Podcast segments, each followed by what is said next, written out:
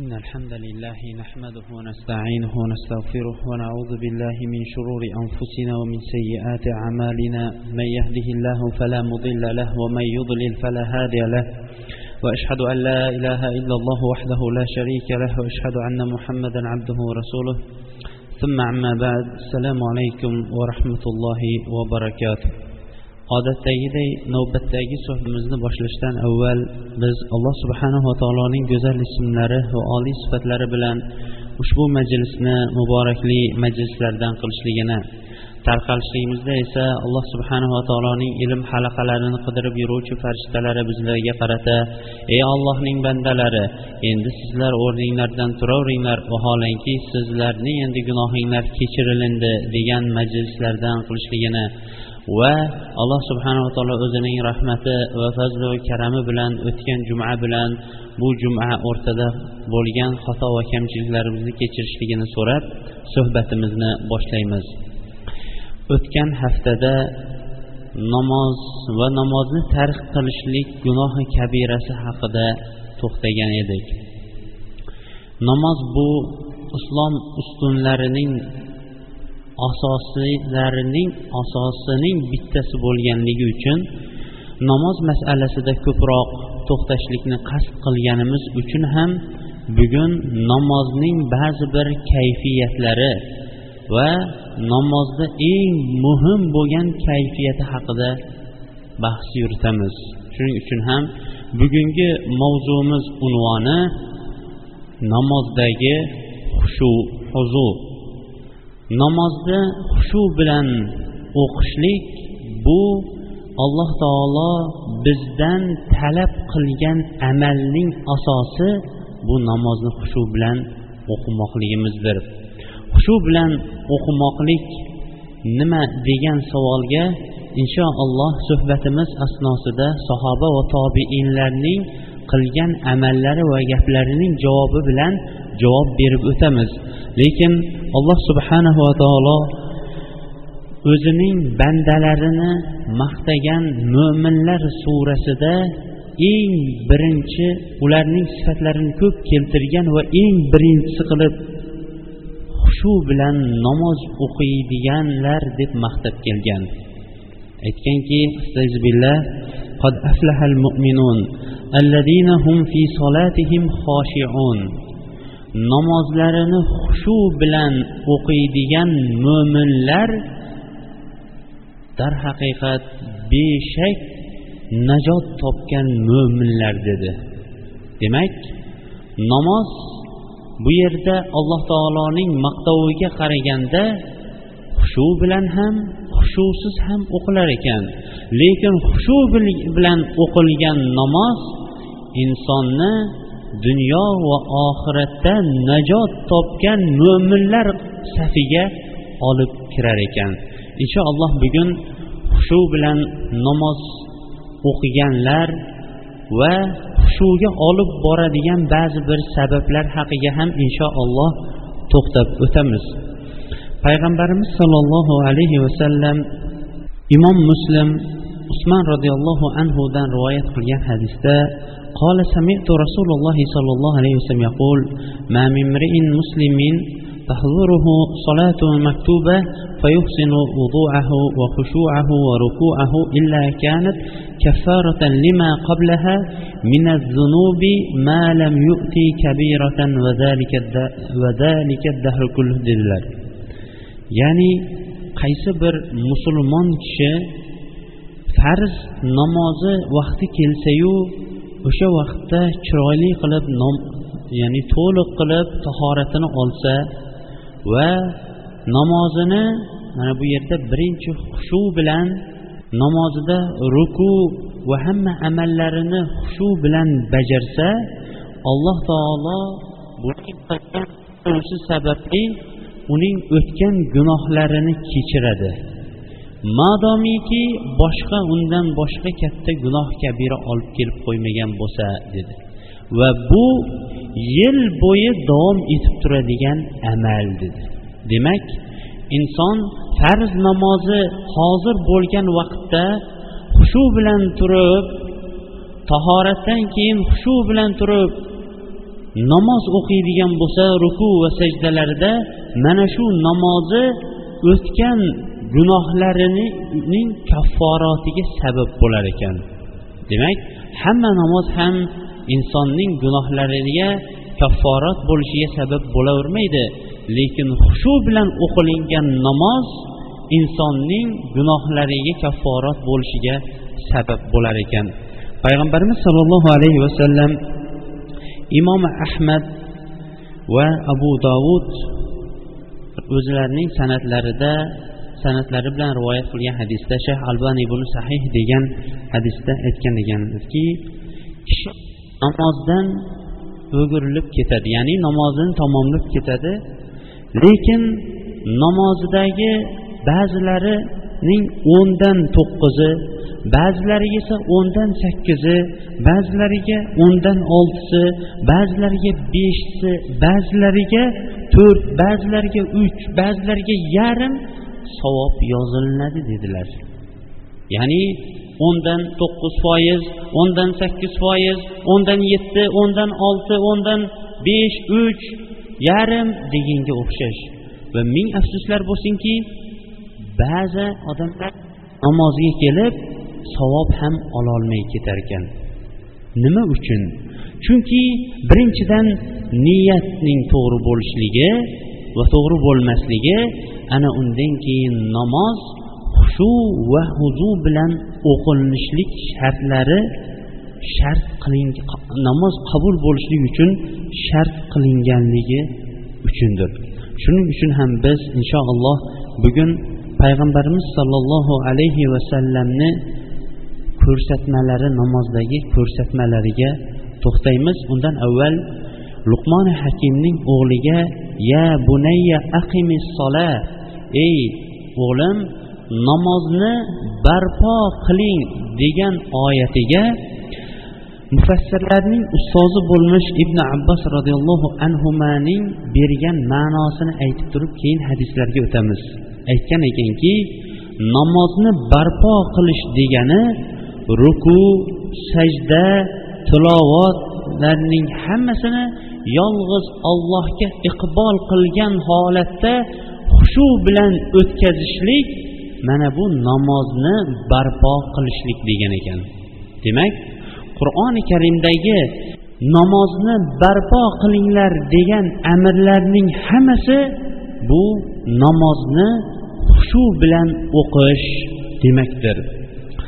Shuning uchun ham biz ko'proq xushu bobida payg'ambarimiz sollallohu alayhi vasallamning ba'zi bir hadislariga to'xtab o'tamiz.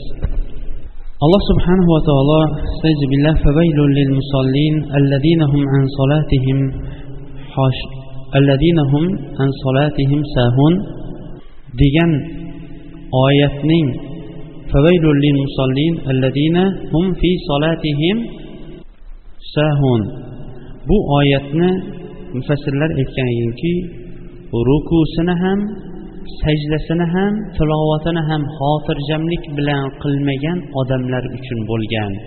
Ya'ni namozlarida beparvo bo'lgan odamlar uchun voyl bo'lsin deyapti. Abu hurayra roziyallohu anhudan rivoyat qilingan hadis muttafaqun alayh bo'lgan hadisda abu hurayra roziyallohu anhu aytadiki payg'ambarimiz alayhissalom masjidda o'tirar edi. Bir kishi kirdilar va ikki rakat namoz o'qidi. Bu namoz tahiyatul masjid namozi edi. Payg'ambarimiz sollallohu alayhi vasallamning oldiga keldilarda salom berdilar. Payg'ambarimiz alayhissalom salomni qaytardilarda aytdilar qayting va namozingizni qaytarib o'qing chunki siz namoz o'qimadingiz dedi. Bu kishi borib qayta avvalgi o'qiganiday namozni o'qidi. Ana undan keyin payg'ambarimiz alayhissalomni oldilariga kelib yana salom berdilar. Va payg'ambarimiz alayhissalom aytdilarki qayting va namozingizni qaytarib o'qing chunki siz namoz o'qimadingiz dedi. Bu holat uch marta takrorlandi. Uchinchisida bu kishi sabr qilmay aytdilarki ya rasululloh ma uhsinu g'ayrahu fa'allimni dedilar. Ya'ni sizni haq bilan jo'natgan allohga qasam ichib aytamanki men bundan ortiq o'qiy olmayman. Menga o'rgating dedilar. Payg'ambarimiz alayhissalom agar namozga tursangiz takbir ayting. Ya'ni allohu akbar deb bizda quloq qoqish deydi takbiratul ehromni ayting. So'ngra o'zingizga qur'ondan muyassar bo'lganini o'qing. So'ngra ruku qiling. Va rukuda turganingizda xotirjamlik bilan turing. So'ngra rukudan ko'tariling va rukudan turganingizda ham xotirjamlik bilan tikka turing. Ana undan keyin sajdaga boring. Sajdaga borganingizda ham xotirjam bo'lib sajdada turing. Ana undan keyin sajdadan qaytib o'tiring. Sajdada o'tirganingizda ham xotirjam ikki sajda orasida xotirjam o'tiring va namozingizning hammasini mana shunday o'qing dedilar. Tepadagi hadisda bu hadisning avvalida payg'ambarimiz alayhissalom qayting namozingizni qaytarib o'qing dedilar. Chunki bu kishi namozini tez tez o'qigan edilar. Payg'ambarimiz sollallohu alayhi vasallam imom ahmad rivoyat qilgan hadisda aytdilarki قال قال رسول الله صلى الله عليه وسلم لا تنسي صلاة لا يقيم الرجل فيها سلبه في الركوع والسجود. رواه أبو داود أيضا والترمذي.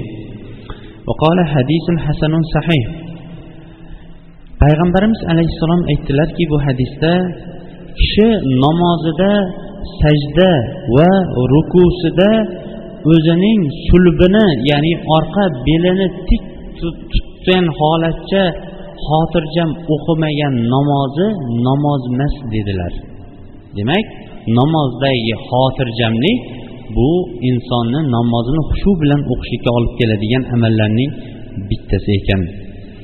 Payg'ambarimiz sollallohu alayhi vasallam yana ruku va sajda qilayotgan vaqtida sulbini orqa belini tik tutmagan odamning namozi botil ekanligini ham bayon etdilar va dunyodagi o'g'rilarning eng yomoni kim ekanligini bizga mana bu hadisda bayon etib berdi hadisni sahih isnod bilan iroqiy aytadiki payg'ambarimiz alayhissalomdan sobit bo'ldi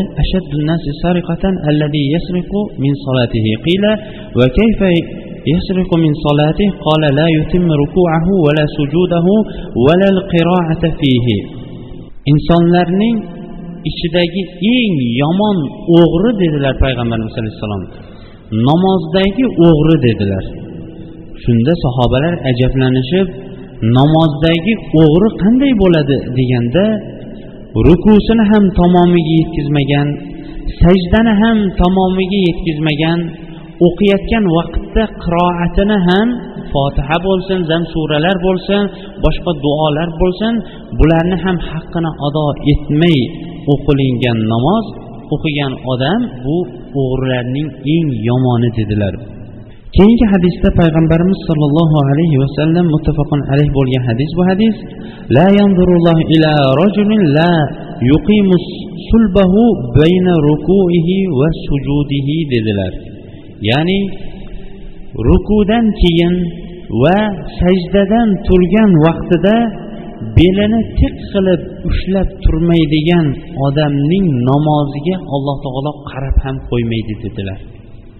Demak namozdagi xushuning tashqi holatdagi surati har bir a'zoni shoshilmagan holatda a'zo o'zining o'rniga kelgan vaqtda ham va o'z amalini bajarayotganda ham shoshirmay haqqini berishlik namozning zohiridagi xushuning bittasi bo'lar ekan. Balki payg'ambarimiz alayhissalom tez tez namoz o'qishlikni bu munofiqlarning namozi dedilar. Payg'ambarimiz alayhissalom tilka solatul munafiq yajlisu yarqibu shamsa hatta idha kanat bayna qarnay shams qama fanaqara arba'an la yazkurullaha fiha illa qalilan dedi. Ya'ni quyosh botish botib ketgunicha xotirjam o'tirib keyin quyosh botayotgan vaqtda bo'lib ham shaytonning ikkita mo'zi ya'ni shohi o'rtasida botayotgan vaqtda endi asr ketib qolmasin deb turib tez tez rukusini ham sujudini sajdalarini ham qiroatini ham haqqini ado etmasdan tez tez namozini asrini o'qib olgan odam odam bu munofiqdir. Bunday odam ollohni ko'p eslamaydigan odamdir dedilar.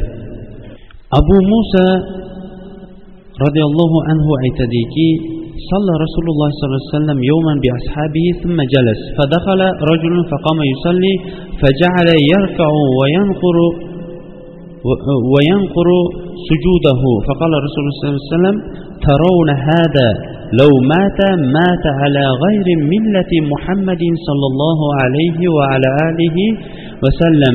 ينقر صلاته كما ينقر الغراب الدم. أخرجه أبو بكر بن خزيمة في صحيحه.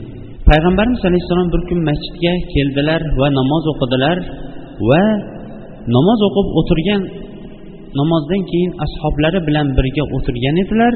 Bir kishi masjidga kirdi va namozini tez tez o'qidi. Sajda va rukularini to'liq qilmadi. Xuddi qarg'a go'ngni cho'qiganiga o'xshash. Payg'ambarimiz alayhissalom sahobalarga qarab turib aytdilarki mana buni ko'ryapsizlarmi? Agar mana shu holatcha mana shunday namoz o'qib o'tib ketadigan bo'lsa muhammad alayhissalomning millatidan boshqa millatda vafot etib ketganlar qatorida bo'ladi dedilar bu nihoyatda og'ir bo'lgan vaid salmon forsiy aytadiki قال قال رسول الله صلى الله عليه وسلم الصلاة مكيال فمن وفى وفي له ومن طفف فقد علمتم ما قال الله في المطففين قال الله تعالى ويل للمطففين biz imom zahabiy rahimaullohning toshu tarozidan uruvchilar haqidagi gunoh kabirada to'xtaganimizda toshu tarozining haqqini bermaslik nafaqat bozorda balki boshqa amallarda ham deb namozni ham ishora qilib o'tib ketgan edik. Mana bu o'rinda solmonov forsiy aytyaptiki payg'ambarimiz sollallohu alayhi vasallam aytdilarki namoz bir o'lchovdir ya'ni bir palladir. Kim bu palla o'lchovni to'liq qilib beradigan bo'lsa bunga ham uning mukofoti to'liq qilib berilinadi ammo kim bu o'lchovni yengil qilib buning bu tarozisidan urganda yengil qilib beradigan bo'lsa sizlar tarozudan uradigan yengil qiluvchilarning haqida ularning holati oxiratda nima bo'lishligini bildinglar. Alloh taolo aytadiki bu toshu tarozni yengil qiluvchilarning hollariga vayl bo'lsin deydi. Vayl hammamizga ham ma'lumki jahannamdagi vodiylarning bittasidir. Imom buxoriy huzayfat ibn yaman roziyallohu anhudan rivoyat qiladi bu kishi buyuk sahobalardan. Bu kishi bir kishini namoz o'qiyotganligini ko'rdi. Namozda rukusini va sajdasini to'liq qilmasdi. Xuddi tepada biz zikr qilganga o'xshash qarg'a go'ngni tovuq go'ng titganga o'xshash darrov darrov bajarayotganini ko'rib aytdiki unga huzayfa namoz o'qidingizmi? dedi. Ha namoz o'qidim dedi. Agar siz mana shunday namoz o'qib o'tib ketadigan bo'lsangiz hayotingiz bo'yicha muhammad alayhissalomning ummatidan boshqa ummat bo'lib o'tib ketgan bo'lasiz dedi. Keyingi boshqa abu dovudning rivoyatida siz necha yildan buyon mana shunday namoz o'qiyapsiz? deb so'radi. Qirq yildan buyon deb javob bergan ekan. Qirq yildan buyon biron bir narsani o'qimabsiz degan ekanlar. Shuning uchun ham namoz bu nafaqat o'qib uni ado qilib qo'yishlik balki uning haqqini ham ado qilishlikka talab qilingandir. Bu bobda payg'ambarimiz sollallohu alayhi vasallam madrasasidan chiqqan sahoba va tobiinlarning ba'zi bir hayotlariga to'xtab o'tamiz. Uzoq emas tobiinlardan bo'lmish abu muhammad ar romili aytadiki men nafsimni yigirma yil namozni shoshilmasdan o'qishlikka nafsimni o'rgatishlik uchun kurashdim. Ana undan keyin yigirma yil namozning halovatini topa oldim degan ekanlar. Yigirma yil namozda xotirjamlik bilan o'qishlik uchun kurashlik. Payg'ambarimiz alayhissalom namoz inson namoz o'qiydigan bo'lsa shayton kelib turli vasvasalarni qiladi degan. Uning ustiga mana falon narsani esla falon narsani esla hatto mana safda ham birga bir safda turamiz lekin bir kishi bozorni o'ylab turgan bo'lsa yonidagi kishi uyidagi ro'zg'orini o'ylab turgan uchinchi kishi esa boshqa bir muammoni o'ylab turishiga o'sha shayton ham albatta katta sabab bo'ladi. Bu kishi nafaqat shayton bilan balki nafsim bilan yigirma yil kurashdim va yigirma yildan keyin namozdagi halovatning rohatini topa bildim deydi. Payg'ambarimiz sollallohu alayhi vasallam namozda namozning halovatini topgan zotlarning ustozi edilar. U kishi bilol roziyallohu anhuga namoz vaqti kelib qoladigan bo'lsa darrov shoshib ya bilal arihna deyaverardilar ya'ni ey bilol bizni bir rohatlantiring azonni ayting va namozga kirishaylik va namozda rohatlanaylik derdilar. Qaranglar insonlar bugungi kunda nima bilan rohatlanyapti va bu payg'ambarimiz alayhissalom va u kishining ummatidagi odamlar nima bilan rohatlanyapti? Islom mashayihlarining bittasi aytganlarki dunya jannatun man lam yadkhulha lam yadkhulil jannata fil axira deganlar bu hammamiz uchun ham nihoyatda qattiq bir qoida esimizdan chiqmaydigan qoida bo'lishligi kerak ma'nosi shuki dunyoda bir jannat bor kim dunyodagi bu jannatga kirmaydigan bo'lsa oxiratdagi jannatga kira olmaydi degan bu dunyodagi jannat insonlarning namozida turib lazzatlanishligidir. Endigi savolimiz necha yildan buyon namoz o'qiysiz? Va qaysi bir namozingizda biron bir marta lazzatlangansiz? Insonlar ko'p narsada lazzatlanishligi mumkin lekin haqiqiy lazzat bu namozda turgan lazzatdir. Avvalgi tobein va sahobalar kech kirishligini kutishar ekan. Chunki kech kirishligi bilan ular nafl ya'ni tahajjud inshaalloh tahajjud va qiyomullayl haqida ham alohida bir majlis ajratamiz. Robbilariga iqbol qilib mana bu lazzatni topgan ba'zilari aytishgan ekanki biz topayotgan lazzatni agar katta bir kishilar mulk egalari bo'lgan kishilar topganida qilich qalqonlari bilan bizdan buni tortib olardi degan ekanlar. Ular topgan lazzat va halovat namozda topgan lazzatlaridir. Shuning uchun ham ularning shakllari suratlarini boshqa bir shaklda ko'ramiz. Ularning juda ko'pchiligidan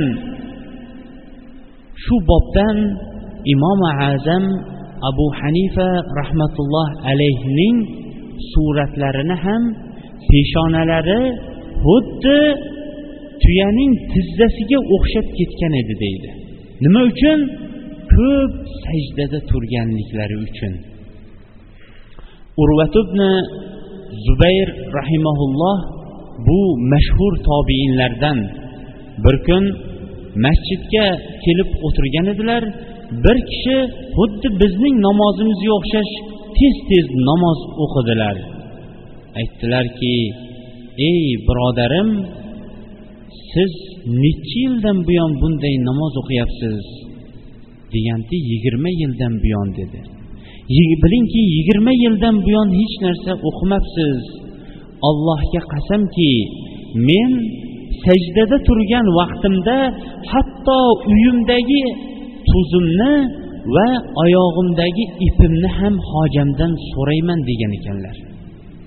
Mana shunday qilib ular har bir nafasini va uyidagi hattoyinki tuzini ham robbilaridan sajdada turib so'raganliklari uchun ham ularning peshonalari alloh taolo maqtagan bandalaridan alloh taolo aytganki simahum fi vujuhihim min asari sujud degan ya'ni ularning alomatlari yuzlarida ko'p sajda qilganliklari sababli bo'lgan alomatlari deb qur'onda maqtab kelyapti. Bu albatta xuddi qarg'a qonni cho'qiganday tez tez qilingan sajdada bunday asarlar qolmaydi. Imom azam va u kishiga safdosh bo'lgan umumiy tobiin va sahobalarning juda ko'pchiligining peshonalarini xuddi tuyaning o'sha tizzasiga o'xshab qolgan edi deydi. Ming afsuski bugungi kunda imom azam rahmatullohi alayhning mazhabini davo qilib turgan bizlarning ko'pchiligimizda bu sifatlar yo'qolib qolgan. Vaqtimiz yaqinlashib qolgani sababli biz tobiinlarning bu bobdagi hayotlarini inshaalloh xutbada davom ettiramiz. Yaxshi bir savol tushibdi. Ba'zida yuzta o'qigan namozimdan beshta oltitasidagina ko'z yosh bilan o'qish nasib qiladi. Davomli ko'z davomiylik bilan ko'z yosh bilan o'qishni xohlar edim. Nima qilish kerak? Darhaqiqat bu ko'pchiligimiz yo'qotib qo'ygan sifatlarning bittasidir. Sahobalar yig'lamagan kuni o'zlarini nafslarini bir tuhmat qilgan. Ya'ni qaysi bir gunohni qildimiki o'sha gunoh sababli alloh taolo mening qalbimdan qo'rquvni olib qo'yib ko'zimda yosh chiqmayapti deb ular qo'rqishgan. Namozni turgan vaqtda inshaalloh xutbada buni ba'zi o'rinlarga to'xtab o'tamiz. Namozda turgan odam kimning oldida turibdi? Payg'ambarimiz alayhissalom ehson nima deganda alloh taoloni ko'rib turibman deb ibodat qilishligingiz yo bunga qodir bo'lmasangiz olloh meni ko'rib turibdi deb ibodat qilishligingiz degandilar. Demak inson payg'ambarimiz alayhissalom aytmoqchi aqrabu ma yakunul abdu ila robbihi va huwa sajid dedilar. Banda robbisiga eng yaqin bo'ladigan o'rni sajdada turgan vaqtida dedi. Agar insonlarning namozxonlarning hammasi ollohning oldida qoyim turibman degan e'tiqod ularda bo'ladigan bo'lsa sajdada esa undan ham yaqinroq turibman ollohga juda ham yaqin turibman degan e'tiqodda bo'ladigan bo'lsa qani endi bir yig'lamay ko'rsinchi? Qani endi o'tgan gunohlarini bir eslasinchi? Qani endi kelajakda olloh qaysi o'ringa yo jannatga yo olloh o'zi saqlasin jahannamga dohil qilishligini bir eslab ko'rsinchi? Darhaqiqat ko'pchiligimizda namozdagi yig'i bu yo'qolib qolgan amallardandir. Namozda yig'lashlikka undaydigan sabablarning ba'zilariga to'xtab o'tamiz. Eng birinchisi gunohlarni kamaytirishlik. Chunki gunohlar insonning qalbini qoraytirib yuboradi. Payg'ambarimiz alayhissalom gunohlarni qop qora nuqta deganlar. Bu qora nuqtalar qalbda ko'paygan sari bu qalbni qoraytirib oqni oq qorani qora deb ko'rsatmay qo'yadi. Oqibatda esa qoraygan qalb ollohdan ham qo'rqmaydigan bo'lib qoladi. Ikkinchisi namozga turgan vaqtda banda kimning oldida turganligini bir o'ylab ko'rsin. Bu insonning ixlos bilan amal qilishlikka olib keladi. Uchinchisi o'qiyotgan namozni xushu bilan o'qisin. Ham tashqi holatida ham ichki holatida. To'rtinchisi o'qiyotgan oyatlarning ma'nosini agar tushunadigan bo'lsa ma'nolarini bir fikr qilib ko'rsin. Beshinchisi yo to'rtinchisi sajdaga borgan vaqtda payg'ambarimiz alayhissalomning hali tepada biz zikr qilgan hadis banda eng robbisiga yaqin bo'ladigan holati u sajdada turgan holatida degan o'yda namozini o'qisin. Oltinchi yoki yettinchisi bu ko'proq tahajjud namoziga inshaalloh bir mana shu namoz bobidagi suhbatlarimizni bittasini qiyomul layl tahajjud haqida ham to'xtab o'tamiz. Tahajjud namoziga ko'proq tursin va o'zi xilvatda yolg'iz turib o'qishlikka harakat qilib ko'rsin. Yig'layotgan yig'isini ham agar yig'isi keladigan bo'lsa bor yig'isini qo'yib yuborsin. Atrofda albatta hech kim eshittirmaslikka harakat qilib turib. Ana undan keyin allohdan buni ko'p so'rashlik duo qilishlik va mana shunga muvaffaq qilishlikni so'rab ibodatini davom ettirishlikka harakat qilsin. Inshaalloh yuz namozidan besh olti emas har kuni hisob kitob mana besh oltisi o'nta bo'ldi endi o'n beshta bo'ldi endi yigirmata bo'ldi deb o'zini hisob kitob qilib yursin. Qachon hisob kitobi yaxshilik tomonga ketayotgan bo'lsa suyanib qolmasin balki yaxshiligini oshirsin. Yomonlik tomonga ketayotgan bo'lsa sahobalarning o'zlari ustidan qo'rqqan qo'rquv bilan qo'rqsin. Chunki hozirgi vaqtda gunoh ishni qilib qo'yishlik insondan ko'p narsani talab qilmaydi.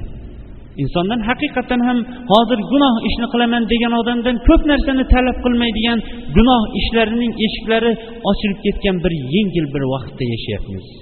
Shuning uchun ham insonlar ollohgagina namozida va boshqa amallarida iqbol qilib bu amaldan to'xtab namozdagi allohga qilgan munojotidan boshqa narsa qolmadi.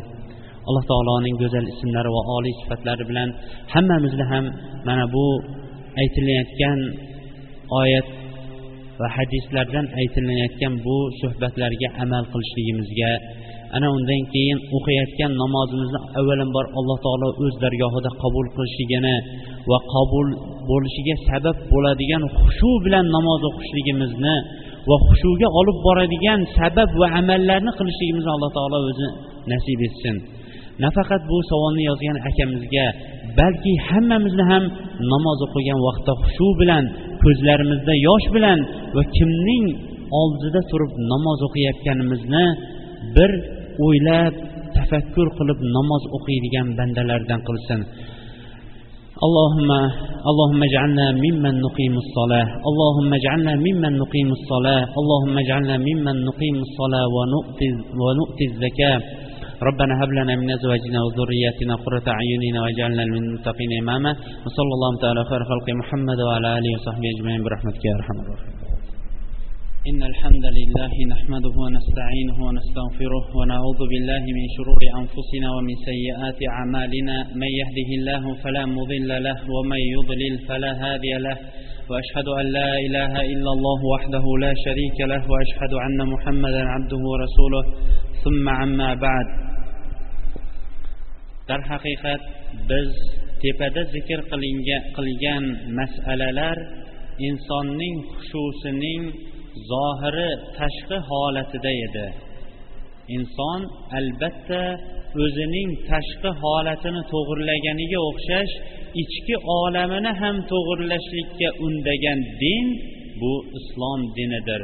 Balki islom insonlarning ichki olamini to'g'irlab ana undan keyin insonlarning ichki olami qalbi to'g'irlangandan keyin o'sha qalbidagi narsalar uning tashqarisiga zohiriga chiqadi.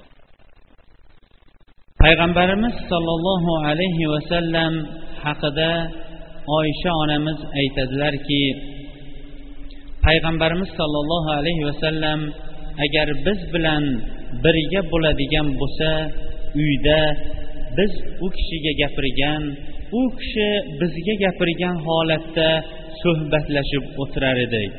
Ammo namoz vaqti kelib qoladigan bo'lsa go'yoyinki u kishi bizni tanimaganday biz u kishini tanimaganday bo'lib qolardi. Darrov namozga iqbol bo'lib iqbol qilib ketardi deydilar. Xo'sh insonning tashqi tomonidagi xushusi tepada zikr qilingan masalalar bo'ladigan bo'lsa ichki holatidagi xushusi haqida imom g'azoliy aytadiki bu kishi aytadiki namozga borgan vaqtingizda go'yoyinki katta bir sultonning oldida turganday o'zingizni tasavvur qiling. Namozga kirgan vaqtingizda butun jasadingiz ruhingiz hamma narsani o'sha sultonga topshirganligingizni bir tasavvur qiling. Namozda rukuga va sajdaga borgan vaqtingizda bilingki sultonlarning sultoni bo'lmish alloh taolo oldida egilayotganligingiz va allohning oldida sajda qilayotganingiz va uni ulug'layotganingizni o'zingiz bir tasavvur qiling va ixlos bilan amalingizni boshlab ixlos bilan amalingizni tugating degan ekanlar. Darhaqiqat namozda turgan vaqtda inson kimning oldida turibman degan fikr keladigan bo'lsa albatta hayoli bozorda yoinki uy tashvishlarida emas balki olloh bilan bog'lanadi. Alloh subhanahu va taolo bunday bandalarini maqtab qad aflahal mu'minuna allazina hum fi solatihim xoshi'un namozlarida xushu bilan turadigan mo'minlar najot topgan mo'minlar deydi.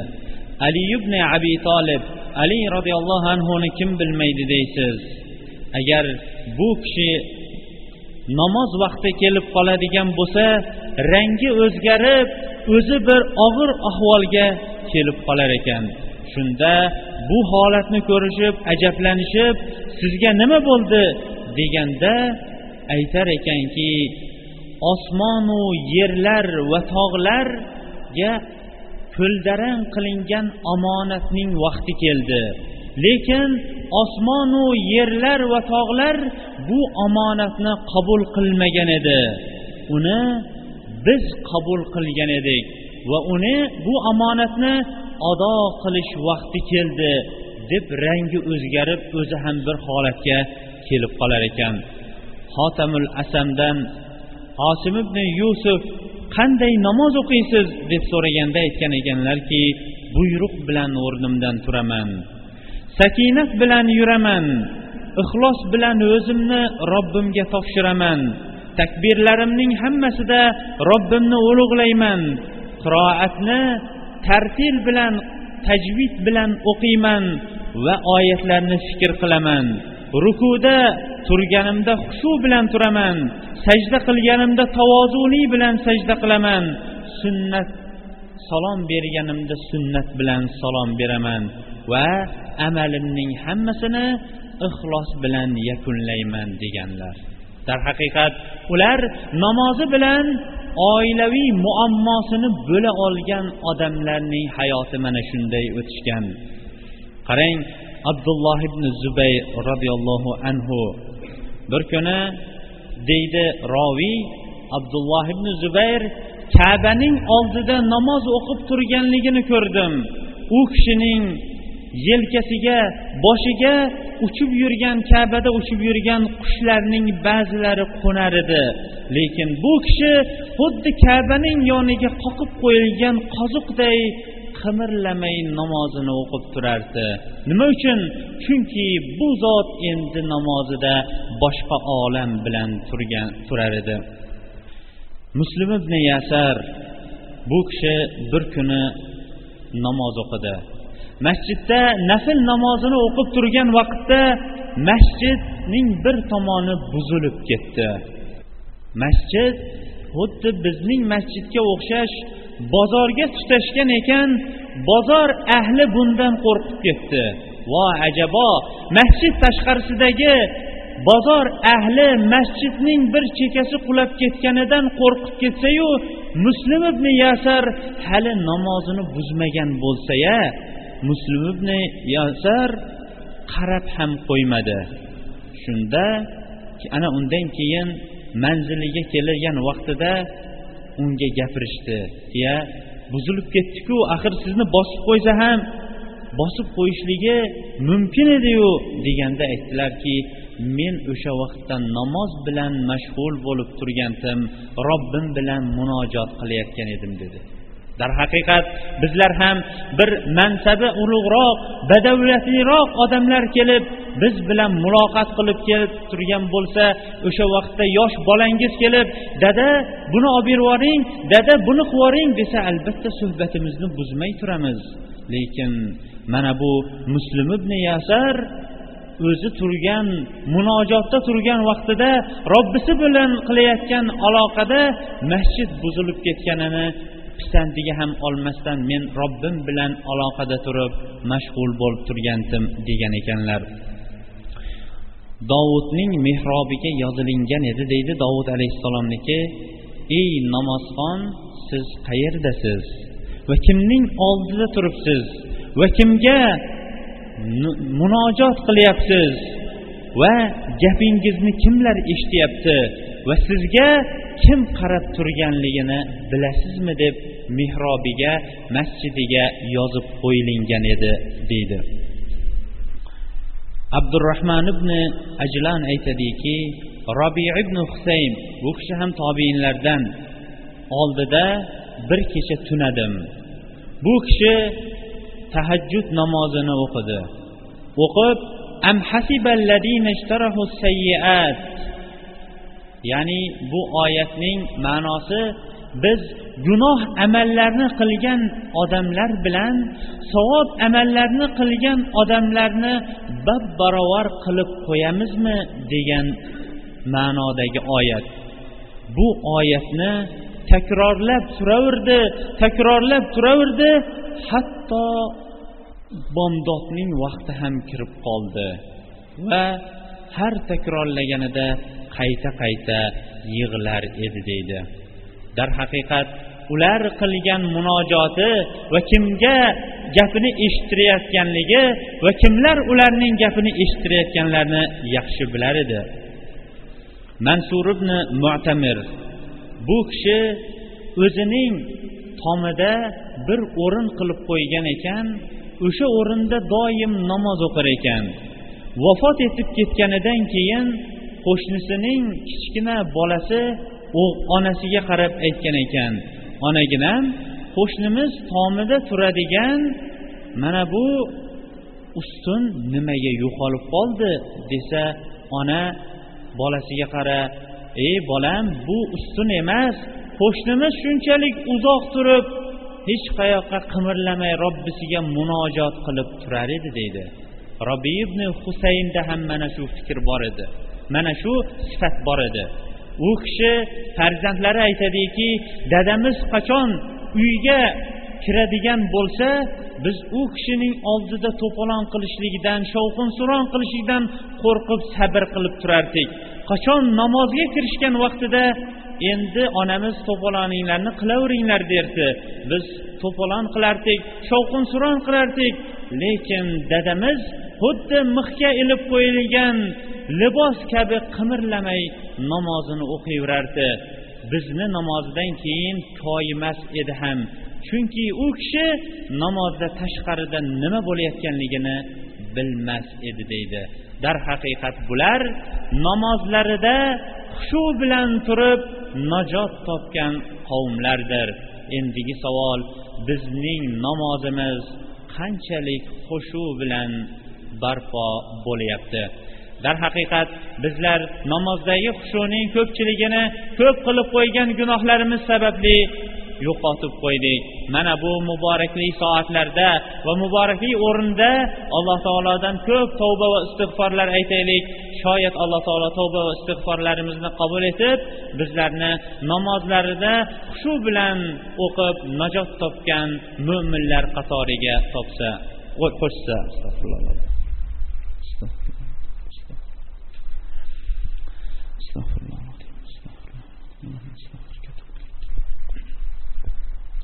Alhamdulillah va salatu ala rasulillah va ala alihi va sahbihi va man ihtada bihadihi ila yawmiddin. Ko'pchilik aytishligi mumkinki, ya besh vaqt namozga o'zi zo'rg'a o'n o'n besh daqiqani ajratib o'qib olamizu domla siz aytayotgan vaqt bu undan ko'proq vaqtni talab qiladi. Rizq qayerda qoldi? Bola chaqaning nasibasi qayerda qoldi? Desa biz o'tgan jumada aytgan ollohning va'dasini qayta takrorlaymiz.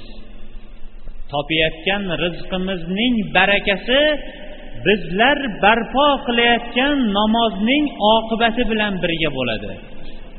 Ular yashab o'tgan asr bizning asrdan topish tutishda og'irroq bo'lgan asr edi biz bugun bir kun yo ikki kunda bosib qo'yayotgan masofani ular oylab bosishar edi.